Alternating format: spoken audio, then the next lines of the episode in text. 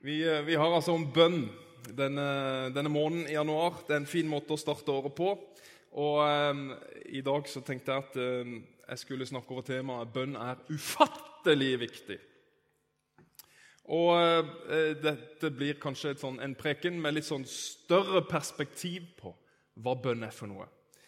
Eh, bønn er jo egentlig eh, bare et fancy ord for det å snakke med Gud. Det er å snakke med Gud. Dessverre så har tradisjonen gjort det til noe mer avansert, som eh, Ben Stiller her eh, prøver å uh, vise oss på filmen. En, ja, nærmest en sånn religiøs aktivitet hvor vi bruker et eller annet spesielt språk eller stemmeleie som plutselig kommer når vi skal be.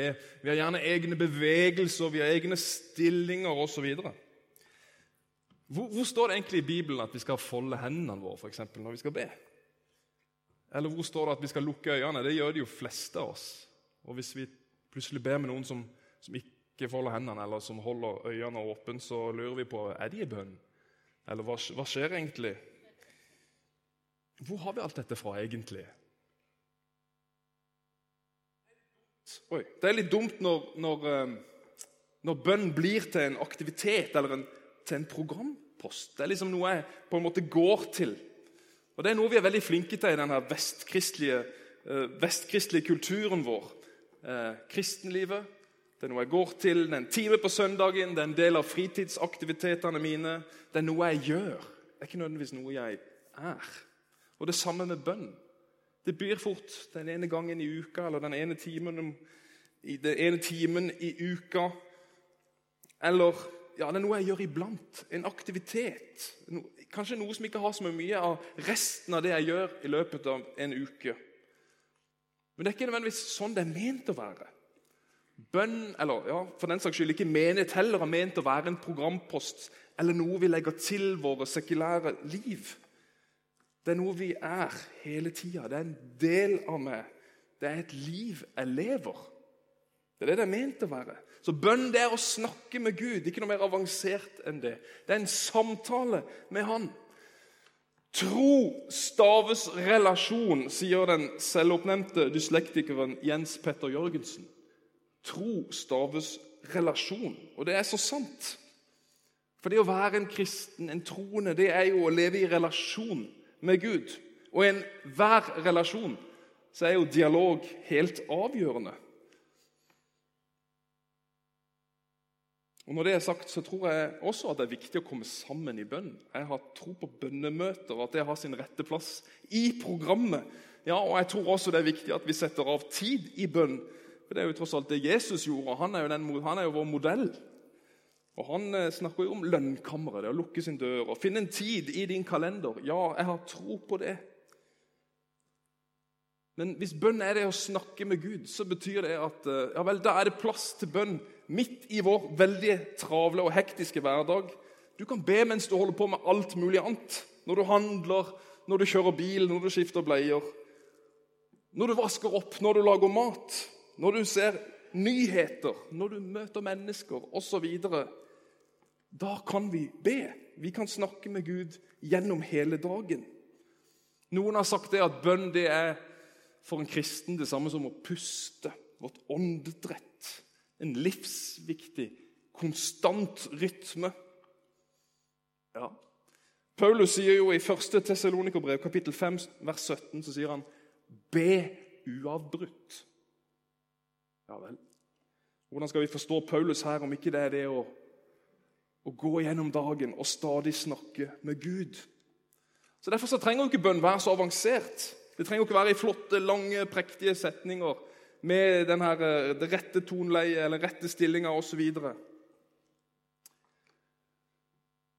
Arne, en eh, god venn av meg, han hadde vært uh, rusfri i veldig kort tid da jeg ble kjent med han. Han hadde vært rusmisbruker i tolv år. Og så klarte han å bli rusfri da, gjennom en sånn ja, avrusningsklinikk. Og så ble han med i i vår cellegruppe, eller huskirke, som vi kalte det den gang. Eh, helt ny for tro. Han hadde riktignok vokst opp i et kristent hjem og tenkte at hm, nå skal jeg gi det en sjanse igjen i voksen alder. Og han var på sitt svakeste. mest sårbare. Og så kom vi i kontakt med han via noen venner, og så ble han med oss. En gang i uka var vi samla, og eh, han var en del av Anonyme narkomane. Og eh, Der lærer de jo at du skal be til din høyre makt. Du kan definere din høyre makt akkurat som du selv vil. Og han bestemte seg for at hm, kanskje jeg skal prøve Jesus da, som min høyre makt. Eh, og Bønn er en del av dette. Så Hvis du går på et NA-møte, så vil du høre masse bønn til en Gud, slik du selv velger å definere ham. Og I denne huskirka cellegruppa så eh, var vi jo mange kristne. og Vi hadde vært kristne i hele livet, vi, og hadde jo bedt hele livet. og når vi satte oss ned for å be, så holdt vi jo våre lange tirader. Og eh, Så ble det stille, og vi tenkte ja, ja, skal Arne snart be? Nei, det kom ikke noe bønn. Og eh, Tida gikk, og så ble det jo et tema dette her med bønner. Så Dere er så flinke til å be, sa han. Så lange, flotte bønner, fine ord og fine setninger. Jeg vet ikke hva jeg skal si. Nei, nei, ja, det er jo sant. Åh, heia, vi, har, det, kanskje ikke vi har helt tenkt på liksom, at, uh, at han mista helt frimodigheten når vi lang, de, ba disse lange bønnene. Nei, men Det handler bare om å snakke med Gud. Det var, der kom det ikke sant, fra oss. Det handler bare om å snakke med Gud. Ikke hør på oss. Du må bare finne din egen, din egen måte å si det på. Ja vel, ok, ok. Og så i Ukene gikk, og han hadde ikke frimodigheten. Og, men vi kom stadig vekk tilbake til at det er bare å snakke med Gud. En dag så tok han sats. Og så heiv han seg på. Og da ble det stille. Da kom det en ærlig bønn. Som bare var sånn å snakke med Gud. Han hadde jo ingen av disse kristne ordene. Ingen av disse teologiske, flotte, innholdsrike ordene. Det var bare Ja, kjære, kjære Jesus, jeg bare, eh, kjenner bare at jeg har lyst til å snakke med deg nå. Så hvis du bare vil høre litt på meg, så er vi i gang. Eh, ja, Og så begynte han bare å øse ut det som han hadde i hjertet. Og etter den dagen det revolusjonerte bønnelivet i den gruppa. Når vi fikk høre han be, så revitaliserte det vårt bønneliv. Bønn, det er å snakke med Gud, og det lærte Arne meg på nytt. Men bønn kan være mer enn bare det å snakke og dele sine indre tanker med Gud. Det kan virke så trivielt og rart der vi snakker med oss sjøl i bilen eller på toalettet. Jeg vet ikke hvor du ber. Sånn Rent menneskelig så virker det jo helt tåpelig å skulle liksom sitte der og, og snakke, eller snakke til seg sjøl eller den indre stemmen. For det, Vi kan ikke alltid se effekten av dette. Og Verden vi lever i, den verden som ikke tror eller anerkjenner at det fins en Gud Det er kun der det fysiske, det rasjonelle, det vi kan ta og føle på, det som kan veies og måles. Det er det som gjelder. For de er jo bønn tåpelig. Likevel så er det for oss som tror, noe av det mest sentrale. Jeg vil si det så sterkt at bønn er noe av hensikten med livet ditt. Bønn er noe av hensikten med livet ditt. Og Snakker vi om hensikt, ja, da må vi tilbake til begynnelsen, det første Mosebok, kapittel 1 og 2. Hvis vi snakker om hensikt, ikke sant, da må vi tilbake til dit der det begynte. Og Der ser vi at Gud skaper en verden han skaper en verden for fellesskap med mennesket. Og mennesket skaper han i sitt bilde, som betyr at vi skal opptre på hans vegne. Vi er utrusta, og i fellesskap med han så skal vi utbre hans plan og vilje på jorden. Det er det som er hensikten.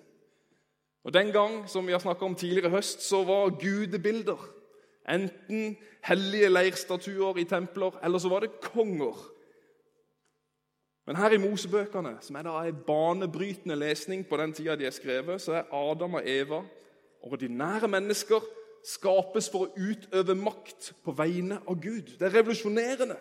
Vi er av natur kongebarn. Vi er av natur kongebarn. Og her kommer virkeligheten av bønn, eller viktigheten av bønn, inn. Gud kunne jo klart seg sjøl, han.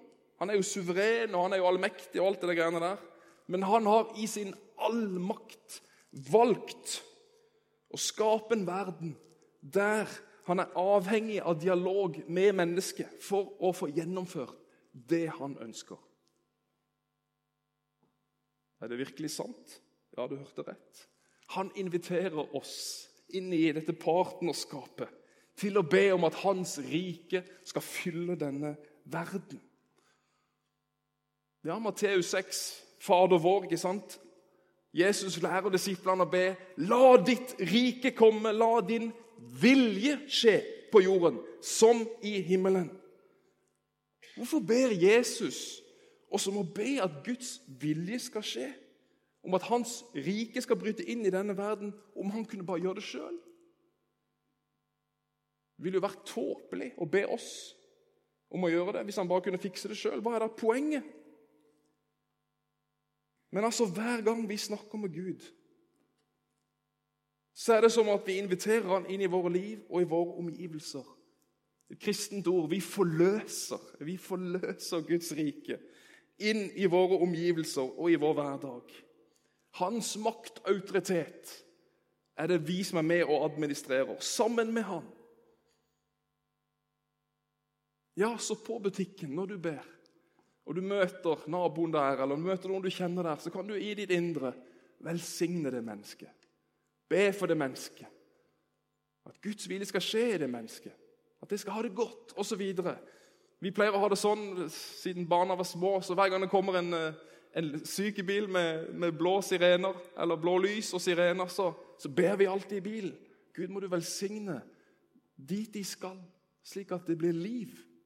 At de må hjelpe disse som skal som er syke, og du må hjelpe ambulansesjåføren. Altså det, Der du er, så kan du bringe Guds rike inn i, din, dine omgivelser. Når du kjører forbi kirka her, eller skole, eller du blir velsigna Kjære Jesus, la ditt rike komme. Det er sånn det er. John Wesley, noen av dere kjenner han. Stor karakter.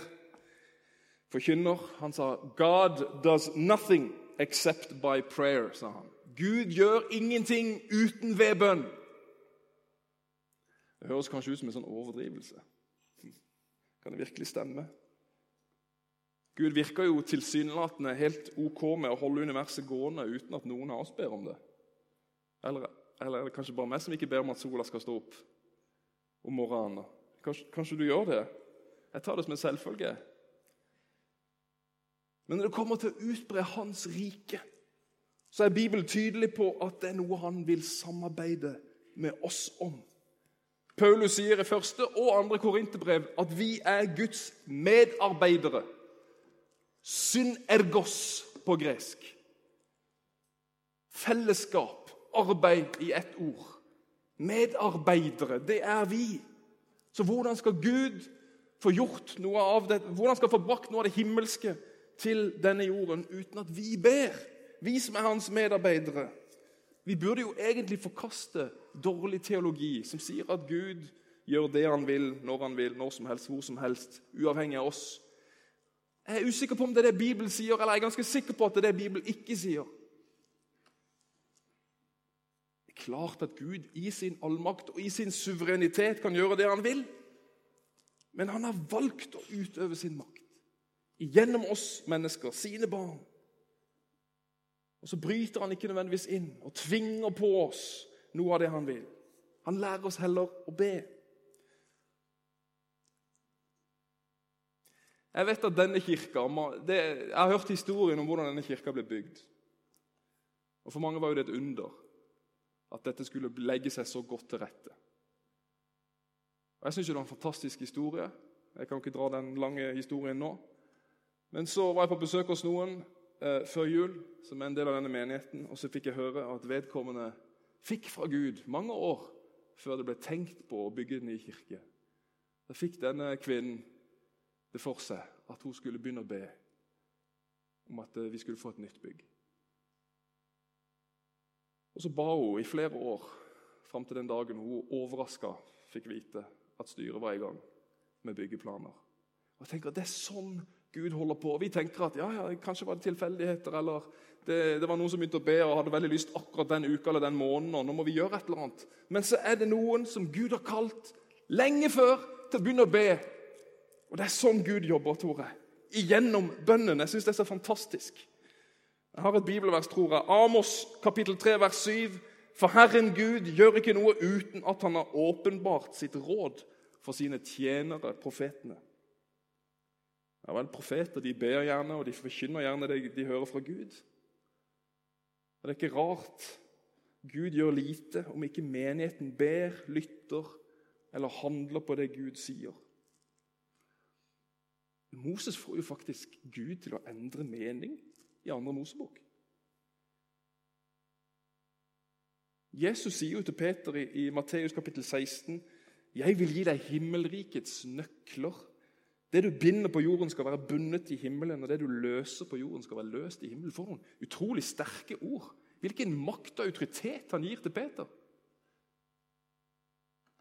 Guds plan er ganske tydelig gjennom hele Bibelen. Gud og Nå hører du rett. Gud trenger bønn. Gud trenger bønn. Jakob kapittel 5, 16 sier et rettferdig menneskes bønn er virksom og utretter mye. Et rettferdig menneske, hvem er det? Jo, det er jo den som er, har tatt imot Jesus. det. Vi blir jo erklært rettferdige. Et rettferdig menneskes bønn er virksom og utretter mye. Ordet 'virksom' og 'utretter' her, det er på gresk. Ja, jeg er glad i gresk. En, energo, energio på gresk. Ja, og Det er faktisk det samme ordet som vi får energi ifra. Sant? Du hørte kanskje det. Og Energi er ikke noen fysiker, men jeg har skjønt såpass at det er det som setter ting i bevegelse. er Det ikke det? Det er ingenting som skjer, det er ingenting som kommer i bevegelse uten energi. Og Uten energi så står alt stille. Verset lyder litt annerledes på noen engelske oversettelser. Et sted så står det 'The effective prayer of a righteous man can accomplish much'. Altså en energisk bønn.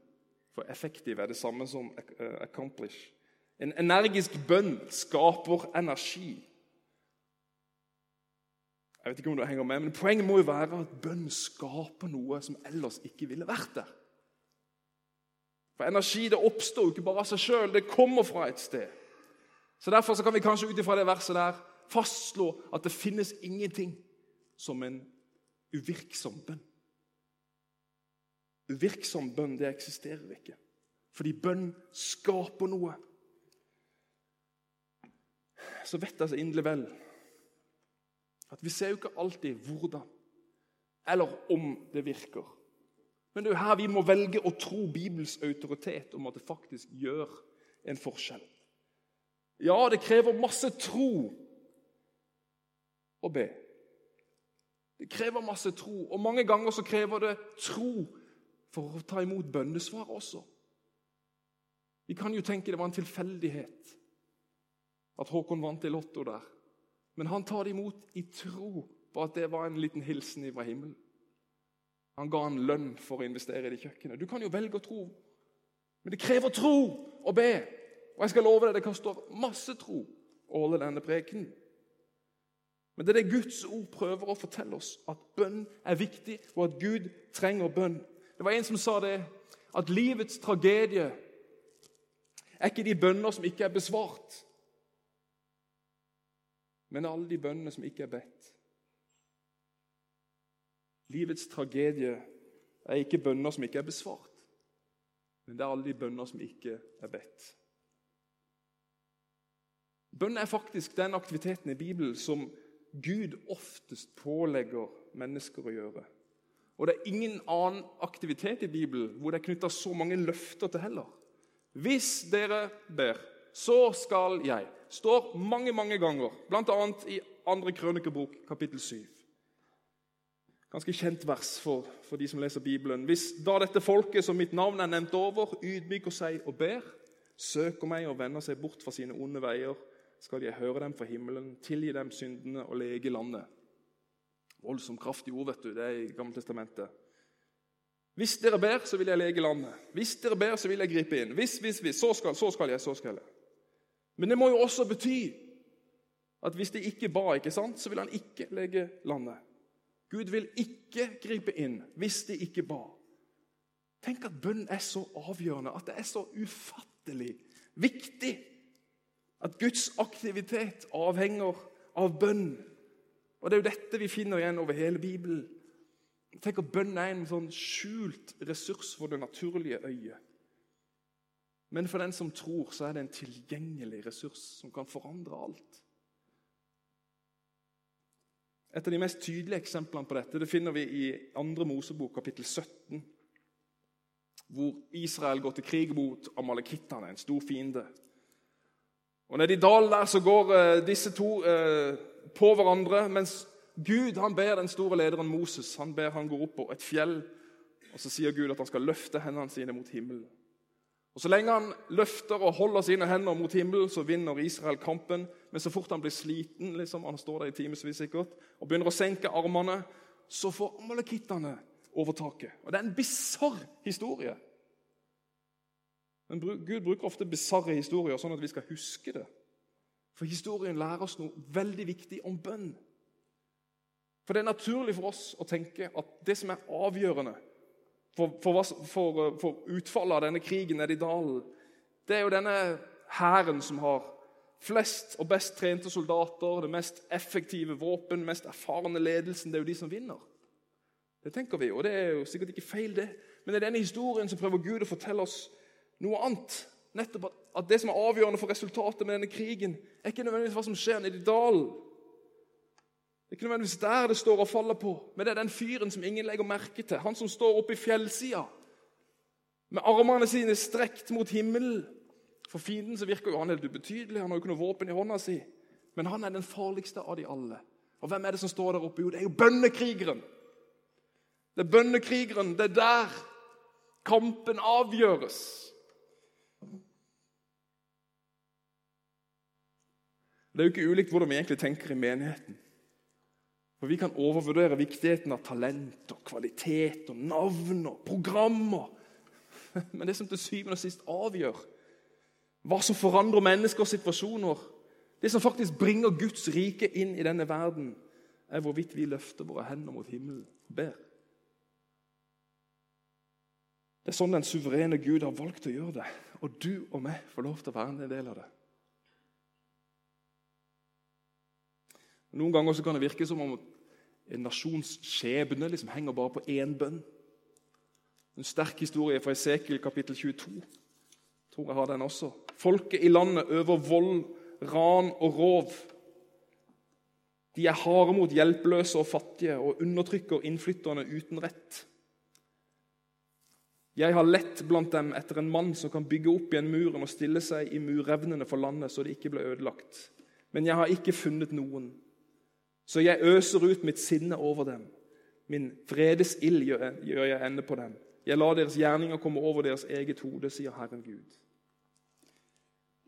Israel har brukt pakten med Gud. Det er fullstendig galehus. Folkets ledere og prester de svikter fullstendig. De skulle bl.a. beskytte og ta vare på hjelpeløse og innflytterne i landet med rettigheter, men nå er det fullstendig på villspor. Og Gud har aldri lyst til å dømme. så Han kommer i, fram i dette. Han har ikke lyst til å dømme folket. Det er aldri hans hjerte å dømme. Så Derfor så søker han noen som kan stille seg i gapet. Noen som kan reparere denne skaden. Noen som kan be. Noen som vil rope til Gud for hjelp. Men så finner han ingen. Og det er sånn, Vi finner flere eh, steder i Bibelen at folk unngår dom fordi, finner, fordi Gud finner noen som ber. Men her finner han dessverre ingen. Så da blir det ikke spart for dom. Konsekvensene av deres onde handlinger kommer over landet. Så Med andre ord så kan vi jo si at de ble dømt, ikke fordi de var voldelige og fordi de svikta Gud, men fordi det var ingen som ba. Det var ingen som ba. De hadde slutta å snakke med Gud. Tenk på det. Våger vi å tro at bønn er så avgjørende? Det som virker så trivielt og så enkelt for mange av oss, å snakke med Gud, liksom. Kan det virkelig være så ufattelig viktig? Ja, Det er helt ufattelig. Og Gud er jo helt ufattelig mange ganger. Hans rike er et opp-ned-rike. Han er så annerledes. Det som er naturlig for oss i denne verden, er gjerne så annerledes for Gud. Ikke minst er Guds kraft og visdom radikalt annerledes enn det vi gjerne skulle forvente. I 1. Korinterbrev kapittel 1 så står det For jøder spør etter tegn, og grekere søker visdom. Men vi forkynner en korsfestet Kristus. Der har du det. Han er en snublestein for jøder og dårskap for hedninger. Idioti, galskap. Men for den som er kalt både jøder og grekere, er Kristus, altså er den korsfestede Kristus, Guds kraft og Guds visdom. For Guds dårskap er visere enn menneskene, og Guds svakhet er sterkere enn menneskene. Den korsfestede Kristus, den som ser så, det som ser så svakt ut, det er Guds visdom. Og så videre. Men det som i verdens øyne er dårskap, det utvalgte Gud for å gjøre de vise til skamme. Og det som i verdens øyne er svakt, det utvalgte Gud for å gjøre det sterke til skamme. Du vet, folkens, Vi er en del av et opp-ned-rike. Det er så annerledes. Vi har en helt annen måte å se verden på. I denne verden så måles jo innflytelse, makt. Det heter penger, våpen, status. Mange tror at framtiden avgjøres etter hvem som kommer til makten, og hvilken politikk de har. Mange som higer etter det der. Men vi som følger Jesus, vi har et uh, helt annet perspektiv på tingenes tilstand. Vår trygghet henger ikke på dette. Vi setter vårt håp til Gud og til Hans rike, og så snakker vi ham. Vi snakker med Gud med naturlige stemmer, med åpne eller lukkede øyne.